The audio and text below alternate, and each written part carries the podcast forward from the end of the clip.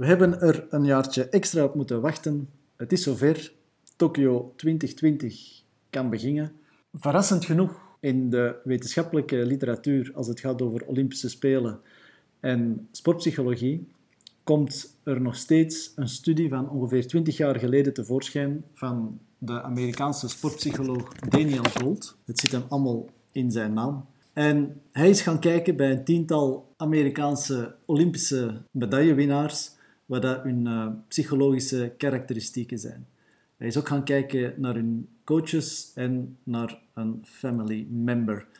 Daar is een lijstje van 12 karakteristieken uitgekomen, waar dat onder andere zelfvertrouwen, uh, competitiviteit in zit, uh, coachbaar zijn, hoopvol zijn, optimistisch zijn, maar ook een voor mij bijzonder interessante kwaliteit, en dat is wat Gold noemde sportintelligentie. Met sportintelligentie bedoelen ze dan voornamelijk dat je een groot analytisch vermogen hebt tijdens wedstrijden, dat je innovatief bent en dat je heel snel kan leren. We hadden al dus de gewone intelligentie, die herinner je nog wel van de IQ-testjes op school. Nadien is er dan dankzij Goleman de emotionele intelligentie bijgekomen, later dan nog eens de sociale intelligentie, maar er is dus ook zoiets als sportintelligentie.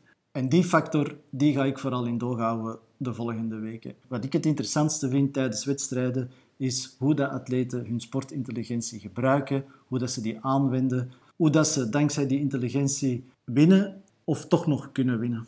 En dan hoor ik u denken, kun je dat kweken? Kan je dat aanleren? Of is dat iets dat je hebt? En dan vind ik het dat je er moet van uitgaan dat je alles nog kan aanleren. En hoe moet je dat dan doen? Wel, ik denk dat hoe meer dat je naar wedstrijden kijkt, hoe meer dat je aan wedstrijden deelneemt, hoeveel tijd dat je aan je sport besteedt, dat je daardoor meer en meer kan die sportintelligentie aankweken. Ik ben er ook van overtuigd dat visualisatie daarin een heel goede tool is om die intelligentie te kweken.